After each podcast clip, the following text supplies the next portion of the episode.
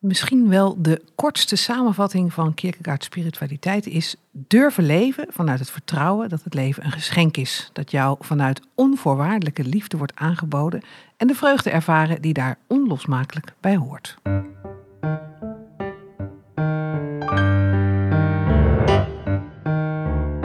De podcast Theologie Theologie-podcast, zo u wilt, gaat over wat vandaag speelt in kerk en theologie. En wil delen, inspireren en verdiepen. Vandaag praten we, en dat zijn ik, Elsbeth Gutteke en Mark Jager, uh, met Geert-Jan Blanke over de actuele betekenis van de Deense filosoof Søren Kierkegaard. En ik zeg het gewoon op, het, op zijn Nederlands. Geert-Jan Blanke studeerde wijsgerige historische pedagogiek aan de VU. Hij werkte in het verleden in het onderwijs en in het kerkelijk jeugdwerk.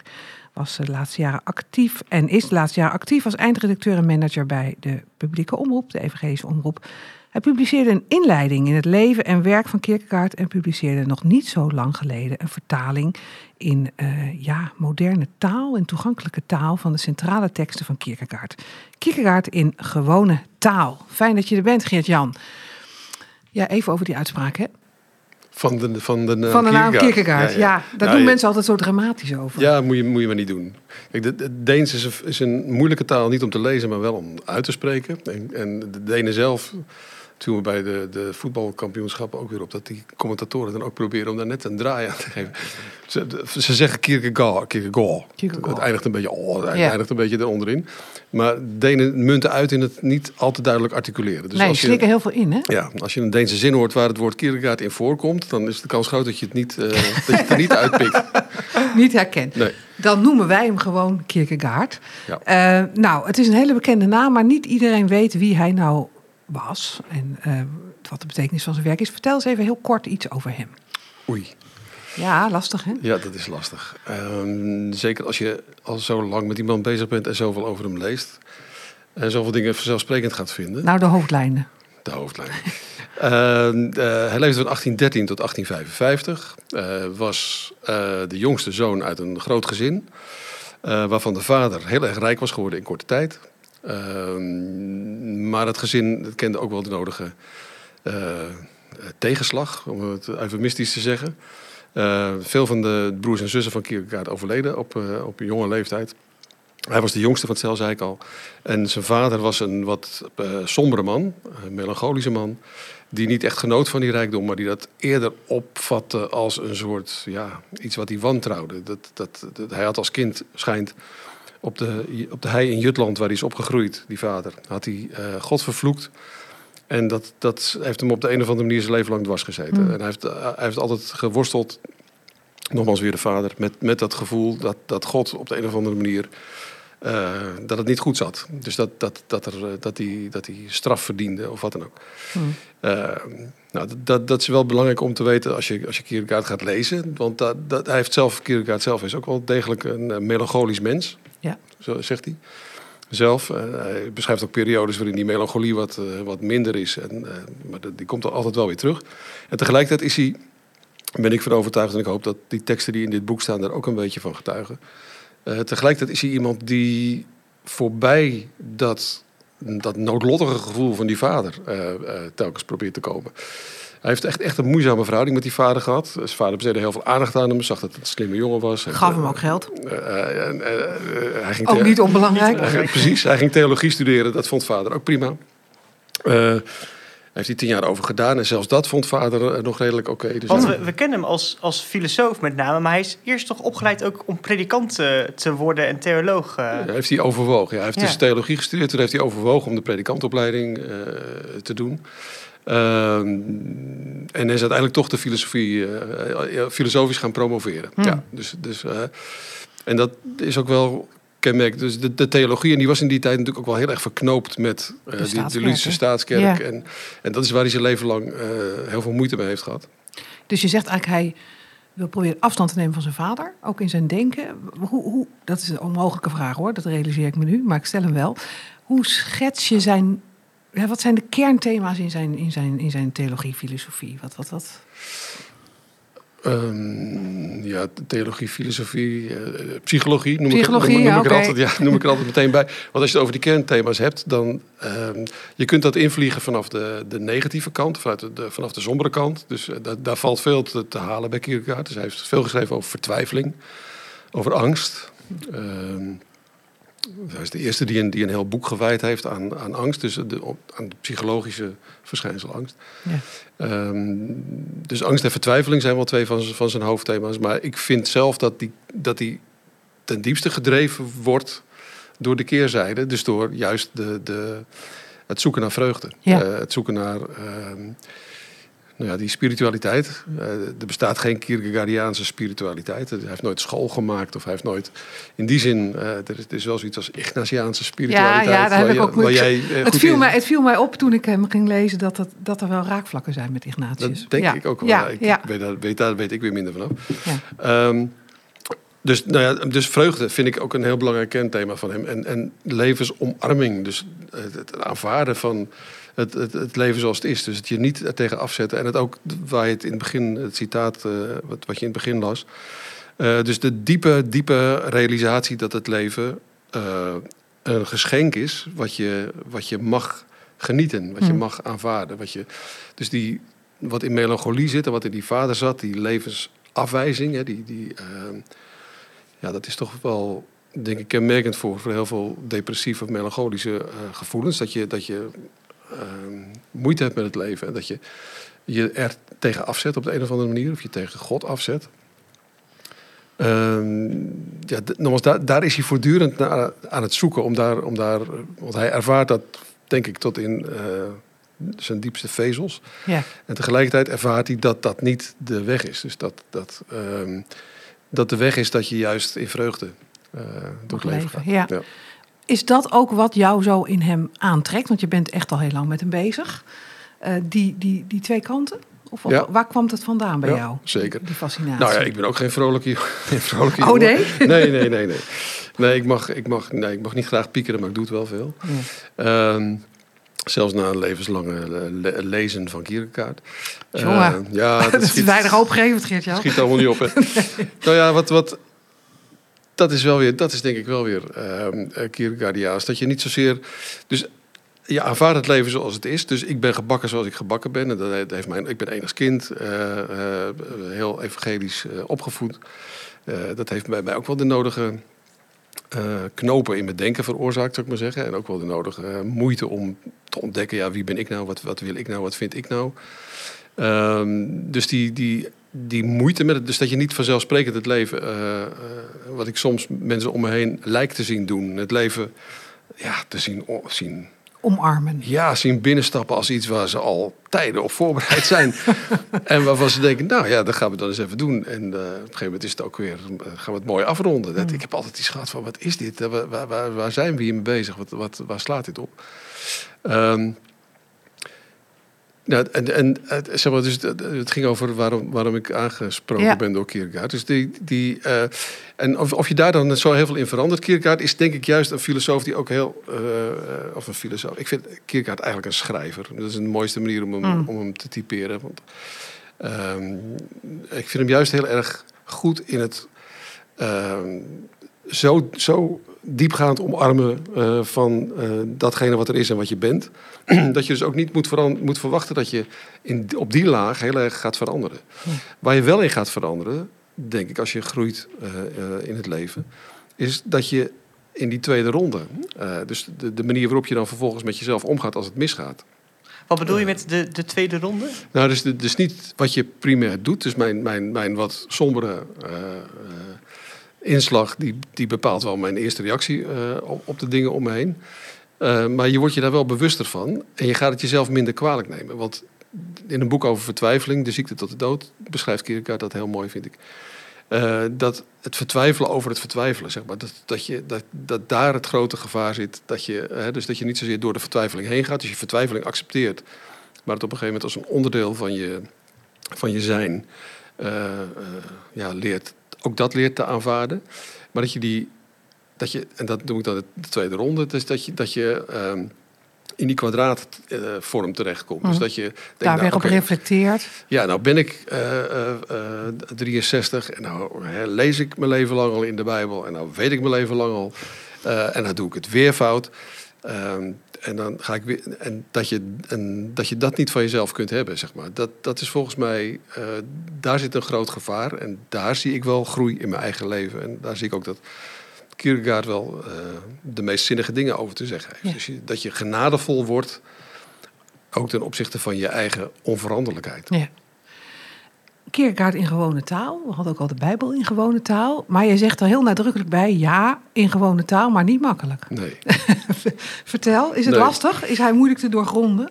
Ja, hij, hij zegt ook ergens, hij, hij is een dialecticus, dat, dat kenmerkt hem ook heel sterk. Dus hij denkt voortdurend, hij is voortdurend met tegenstellingen bezig om dingen helder te krijgen. Dus, eh, en hij zegt, dus een van die, als je dat, daarop gaat letten, dan zit dat, dat hele werk daar vol mee.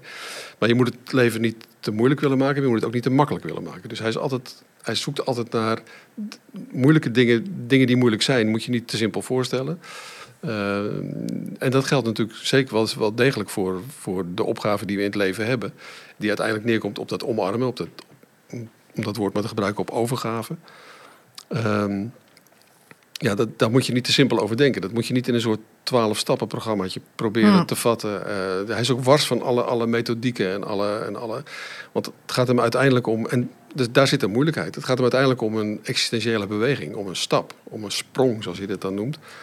En eh, het gaat hem niet om... ehm, ja, het is geen methodische weg die je aflegt Nee. waarna, je, waarna je er bent. Het is geen zelfhulpboek en als we het uit hebben, Nee. dan weten we hoe het leven werkt. Nee, nee. nee, dan zou ik hem onrecht hebben eh, gedaan, denk ik. Als, en ik hoop dat het dus inderdaad wel zo ingewikkeld is gebleven... dat je er een beetje over moet gaan nadenken. Is gelukt. Dank. We komen zo bij jou terug.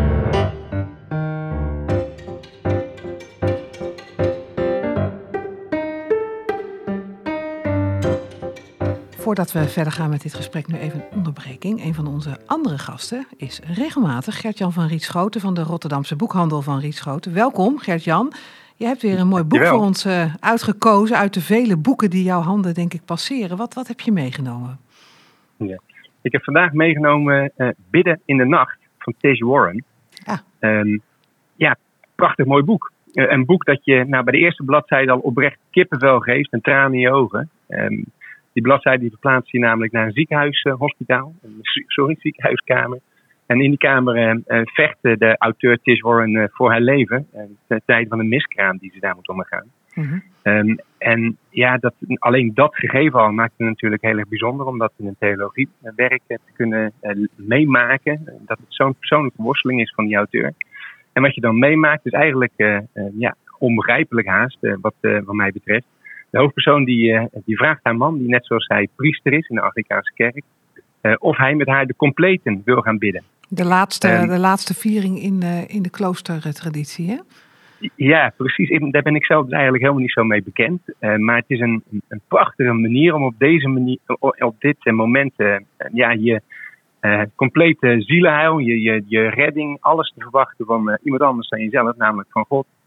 Ehm, je kan ehm, in, de, in de nacht eh, bakken liggen, je kan in de nacht zorgen hebben. Ehm, en juist daar zijn die complete heel erg voor bedoeld, dat je daar nou, je, je rust dan weer terugvindt door, eh, door God te, te benaderen, door te gaan bidden.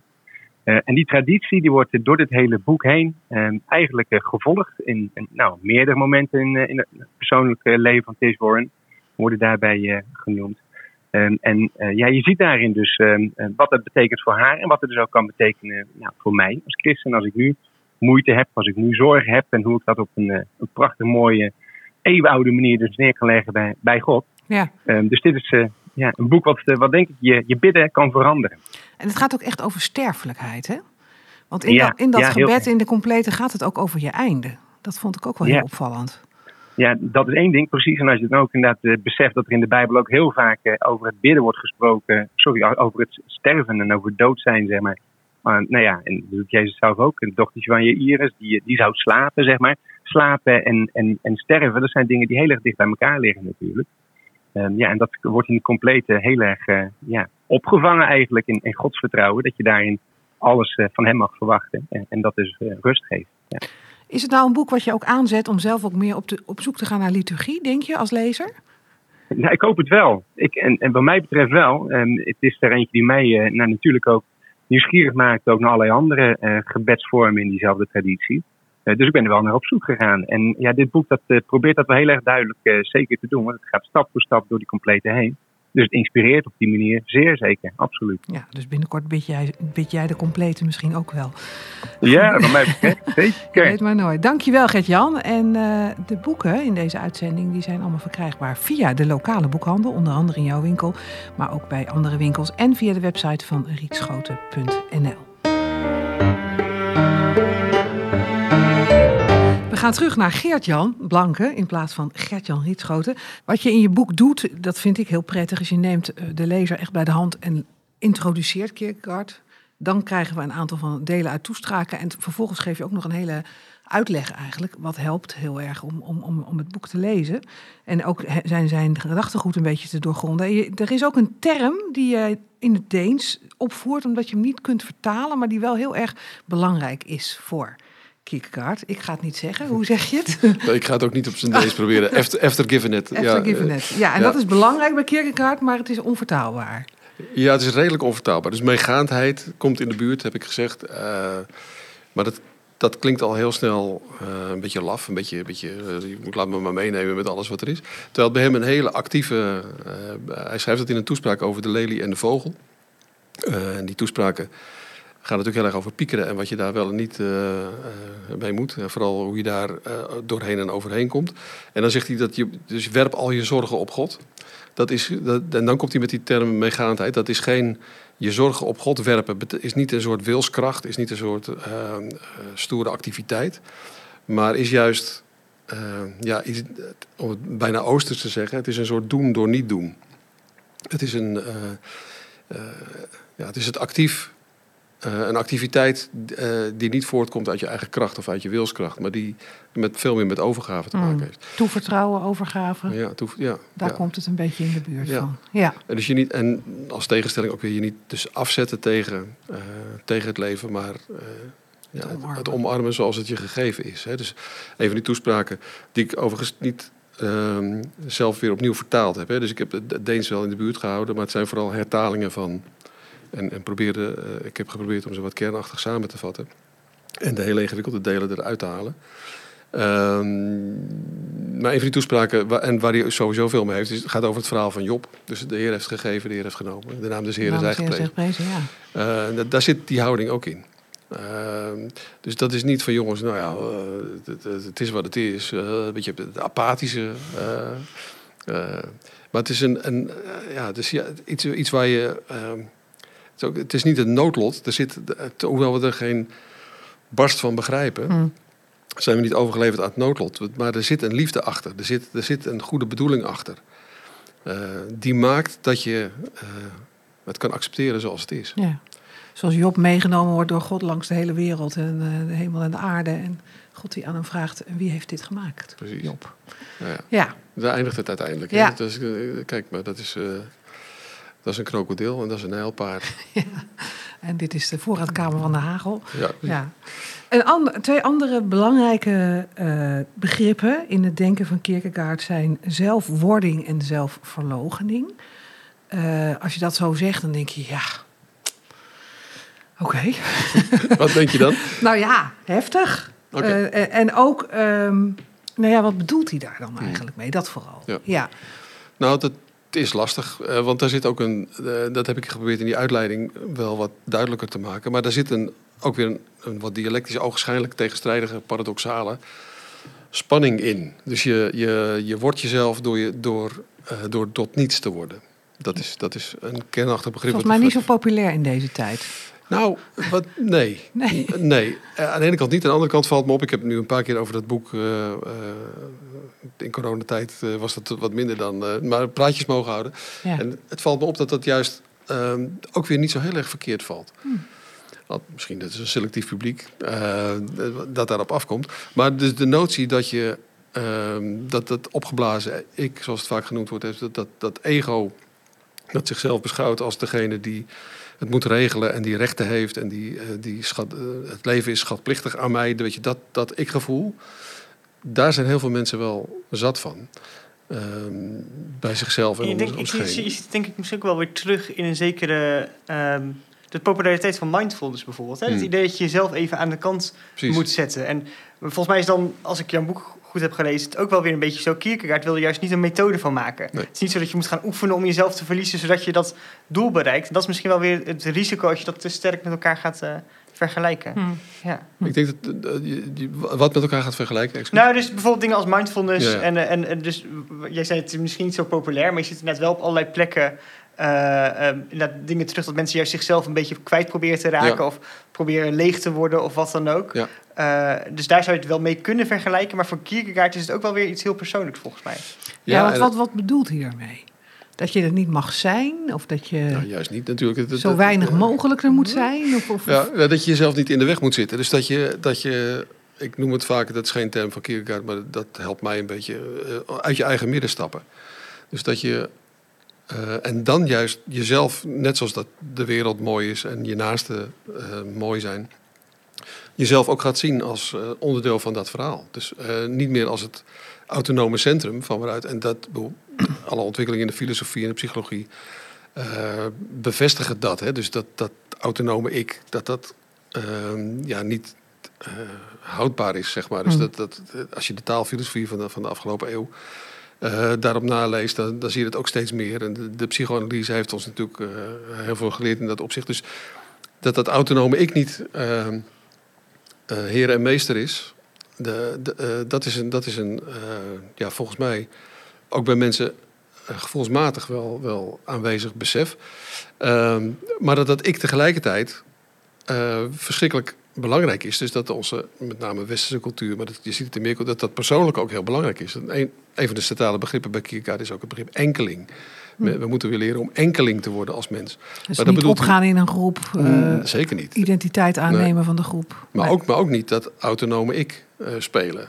Eh, dus enkeling zijn betekent dat je, eh, in, je in je unieke waarde komt. Eh, omdat je jezelf nou ja, uit je eigen midden bent gestapt en ehm, niet meer alleen met jezelf bent. Maar er is een derde element in het spel gekomen. God, de liefde. eh, eh, waardoor je vrij komt te staan ten opzichte van jezelf. En jezelf nog meer kunt accepteren zoals je bent. Hm. Ehm, ik weet niet of dit nu wat abstract wordt, maar Ja. eh, weet je, dat, dat, dat, dat is een. ehm, ja.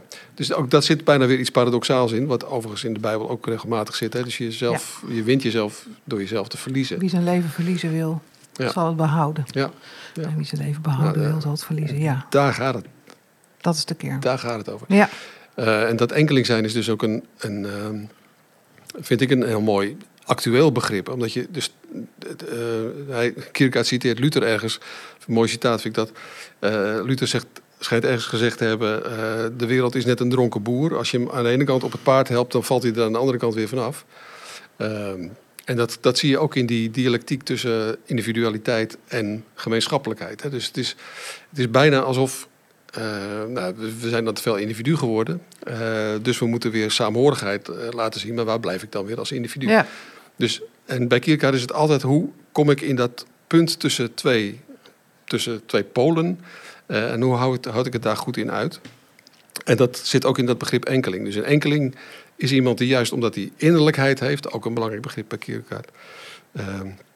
Omdat hij innerlijkheid heeft, omdat hij zichzelf bewust is. En, en zich van zichzelf bewust is, niet als dat autonome individu, maar als een schepsel Mhm. eh, die het leven gekregen heeft. Als je, als je op die grond staat, dan kun je je echt verbinden aan anderen. Dan ontstaat er echte saamhorigheid.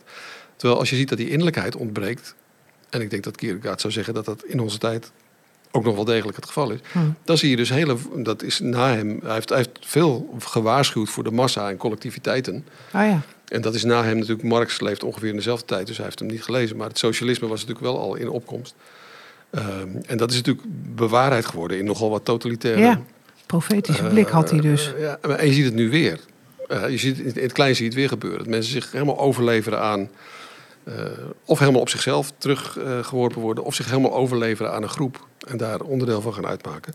En, en je noemde net, Geert-Jan, eh, even tussen neus en lippen doorhaast... dat eh, ehm, er een derde in het spel komt bij Kierkegaard. En God komt erbij en dat helpt dan om enkeling te worden. Ja. Hoe zit het dan precies? Wat heeft God daar dan voor plek in?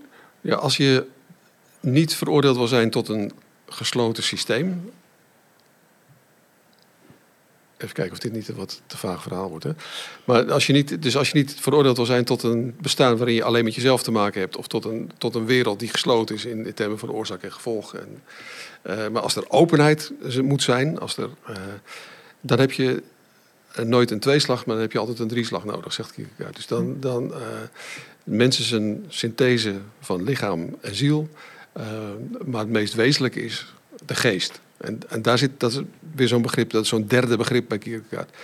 Uh, God is er bij hem altijd, altijd ook degene, niet dat hij in de derde plaats komt, maar altijd de derde die erbij. Dus als tussen twee mensen, uh, als het tussen twee mensen alleen maar gaat over die twee mensen, dan gaat het mis, zegt hij. Dan, dus als liefde alleen maar iets is wat ik zou moeten hebben, of denk te hebben en aan jou moet geven, en jij hebt dat weer en jij moet het aan mij geven, dat is niet zoals liefde werkt. Liefde is iets anders. Liefde is iets wat dat transcendeert. Liefde is iets. Uh, ja, God is liefde. Hm. Dus zodra God erbij komt, dan gaat het open. Dan, dan, uh, dan uh, worden is ook zo'n begrip waar Kierkegaard heel erg aan hecht. Dan wordt de wereld. Dus dan, dan gebeurt er voortdurend iets nieuws. Ook al is het een herhaling uiterlijk van wat er altijd aan het gebeuren is. Als je God erbij haalt, nou, dat, is alweer geen goede formulering. maar als, als je, God er is. Als je beseft dat God er is. Ja. Uh, want dat is natuurlijk altijd zo. We leven en we ademen en we bestaan in God. Uh, alleen we beseffen dat niet. Tot, hmm. Totdat we die, nou ja, die beweging maken waarin we uit ons eigen midden stappen. Uh, maar dan ontstaat er openheid. Dan, ja. ontstaat er, dan, ontstaat, dan gaat het stromen, om een modern begrip te gebruiken. Ja. Dan, ja, dan, dan, dan, dan gaat het worden. Die aanwezigheid van God in het denken van Kierkegaard, is dat ook de reden waarom hij uh, ja, nog wel eens moeilijk ligt in de filosofie en in de theologie? Ja, dat denk ik wel. Hij, wordt, en hij ligt op vele fronten moeilijk hoor. Hij ligt bij orthodoxe christenen ook vaak moeilijk. Want? Om, nou, omdat hij. Uh, hij zegt van zichzelf ook dat hij geen christen is. Dat is natuurlijk ook geen aanbeveling. uh, en, maar daar bedoelt hij natuurlijk weer, hij, daar wil je mee aan denken zetten. Dus hij, hij, doet alles om te voorkomen dat hij een soort goeroe wordt. Uh, die het christendom uh, wel even, voor, even uit gaat leggen. Hm. Dus hij, hij zegt wel, zo, hij leest hier ook wel weer, en zo, zo goed is hij zich bewust van zijn eigen genialiteit. Uh, dat hij zegt, ik heb, ik heb volgens mij wel behoorlijk goed door waar het christendom om draait. Alleen het draait er juist om dat, dat je dat voor jezelf moet gaan ontdekken. Dus ik ga het je niet op een briefje geven.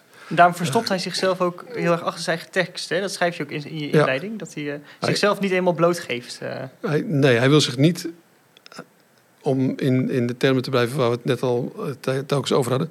Hij wil zichzelf uit het midden hebben. Hm. Dus, dus hij wil ruimte creëren voor teksten, voor woorden. waar je zelf mee aan de slag gaat. Waardoor je zelf op het spoor komt van van God, van de liefde van die derde. Dus hij gebruikt ook uh, allerlei pseudoniemen om te voorkomen dat het steeds over hem gaat. Een van de manieren waarop hij dat doet, uh, zeker in het begin van zijn schrijversloopbaan, is dat hij telkens een, dat hij onder het pseudoniem schrijft. Waarin hij telkens een bepaalde, een bepaalde visie op de werkelijkheid verwoordt die niet te zijn is. Iedereen wist wel, dat was vrij snel bekend, dat hij erachter zat. Dus ja. het was dus geen poging om zichzelf te verstoppen, maar eerder om verwarring te zaaien. Omdat hij zegt, ja, verwarring, dat kan mensen helpen om verder te komen. Ja.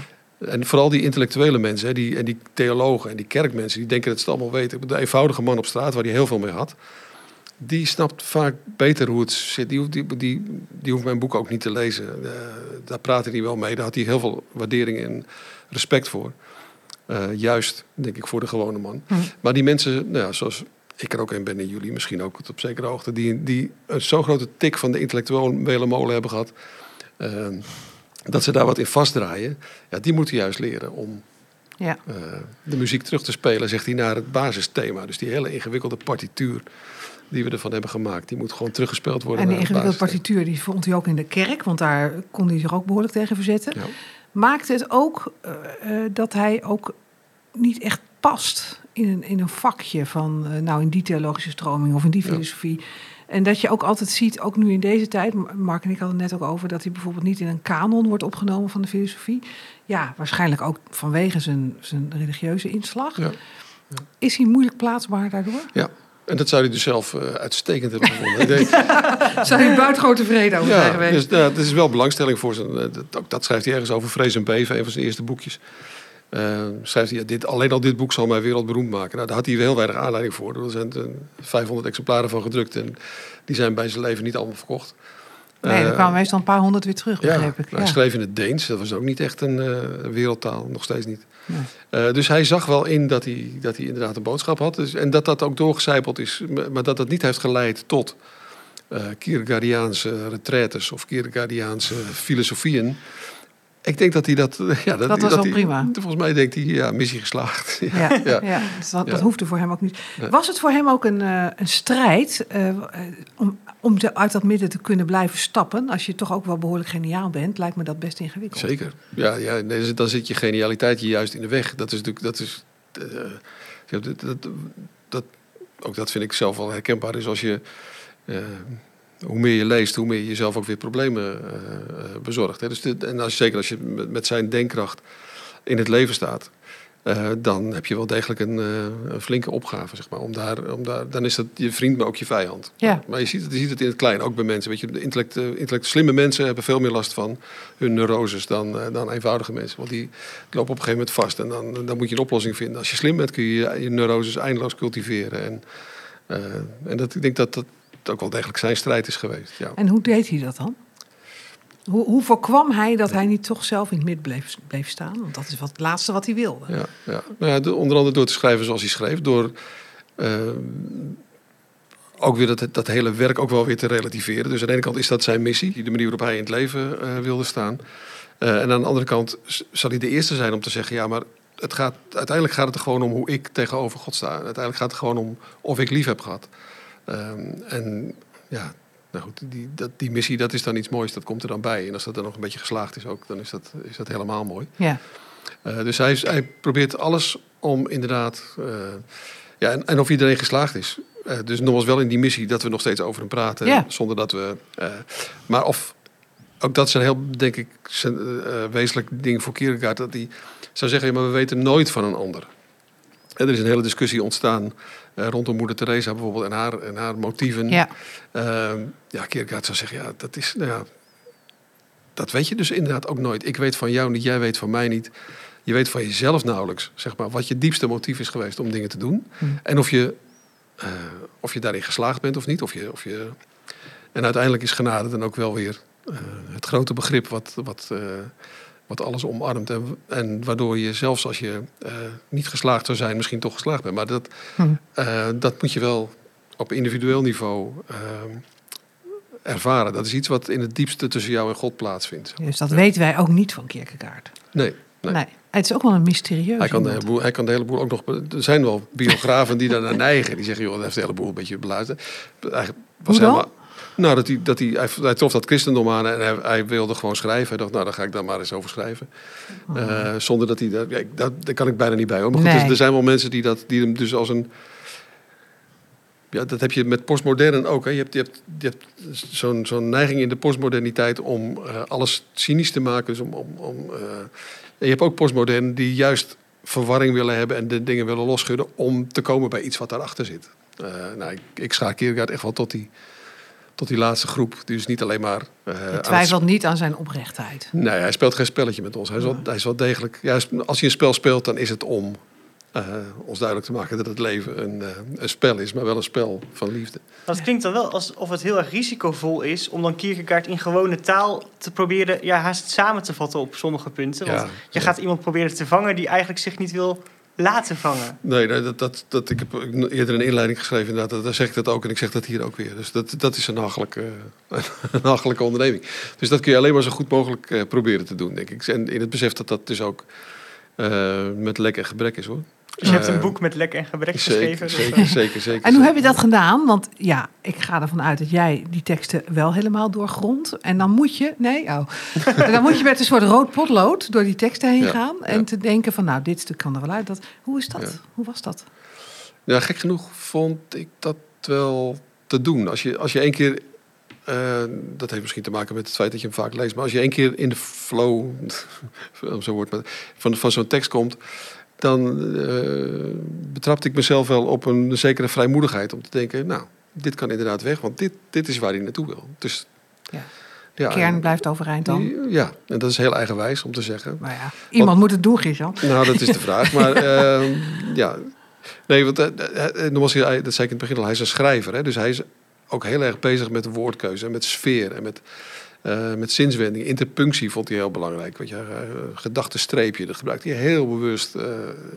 dus hij, eh, als je die handschriften ook van hem ziet, het, hij schreef snel, maar hij was niet altijd even zorgvuldig in het citeren, want daar had hij geen, gunde hij zelf, zelf geen tijd voor waarschijnlijk om dat er allemaal bij te pakken.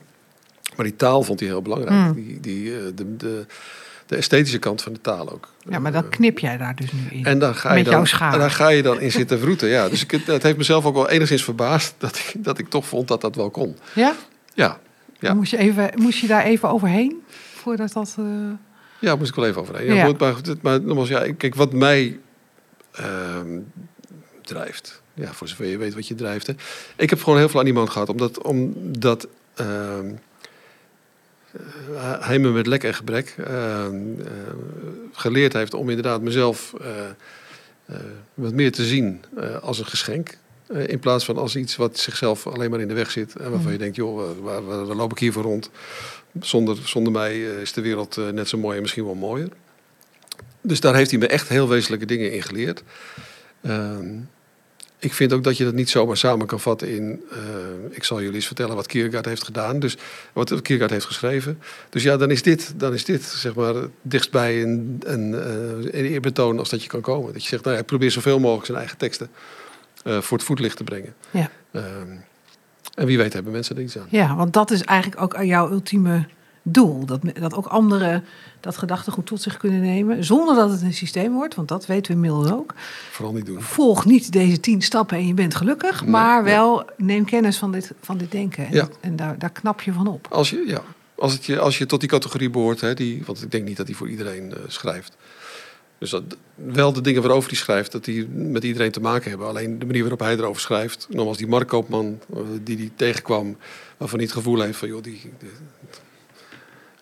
die eh, ik, probeer elke dag een Kierkegaard citaatje op Twitter te zetten. En ik heb, gisteren vond ik er weer zo een dat hij inderdaad zegt van... Ja, dat wat, wat hem enorm begeestert is dat de dienstbode voor God even belangrijk is als het meest eminente genie. Ehm, dat, dus die, dat, dat hoeft niet iedereen eh, op die manier tot zich te nemen. Maar ik denk dat er veel mensen zijn in onze doorgereflecteerde tijd. ehm, die er iets aan hebben om iemand tegen te komen die aan de ene kant elke filosofische, psychologische, theologische wedstrijd met je aandurft. En tegelijkertijd je voortdurend duidelijk maakt van ja, maar het gaat niet om dit wedstrijdje. Het gaat om iets anders. Ja, ja, ja.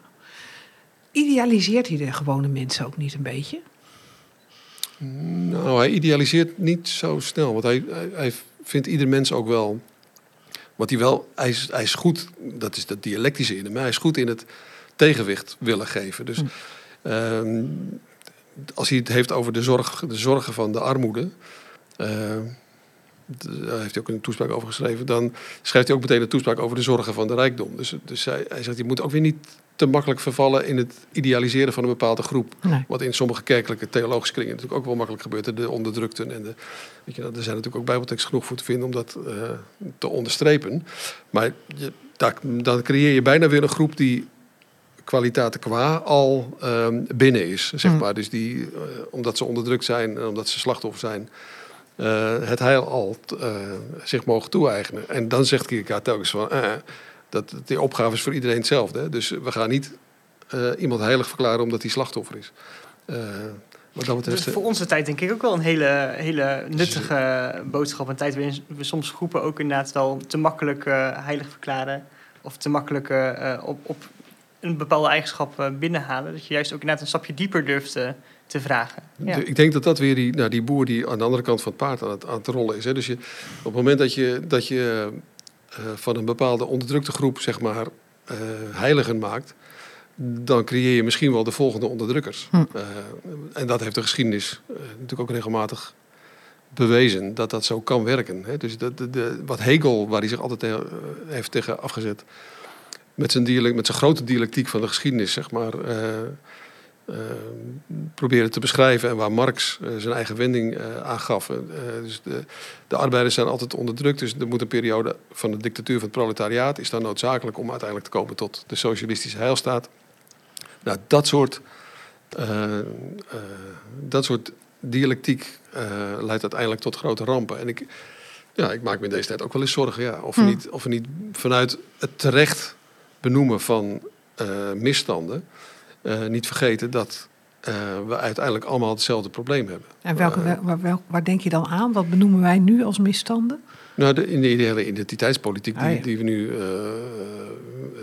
onontkoombaar zeg maar, aan het doormaken zijn met z'n allen, hè, de ontwikkelingen daarin. Hm. Ja, da- daar moeten we denk ik ontzettend goed uitkijken dat we niet aan de andere kant van het paard vallen. Dus dat, dat we, er, moet, er is, moet wel degelijk iets gebeuren. Hè. De boer moet op het paard geholpen worden, de Lutheraanse boer. Ehm er moet wel degelijk op het paard geholpen worden. Alleen laten we niet doorschieten naar de andere kant. Nee, en En, dat- dat, mis ik wel heel sterk. Dus je, dit- en dat die polarisatie die je op Twitter en die je in de media natuurlijk voortdurend aantreft.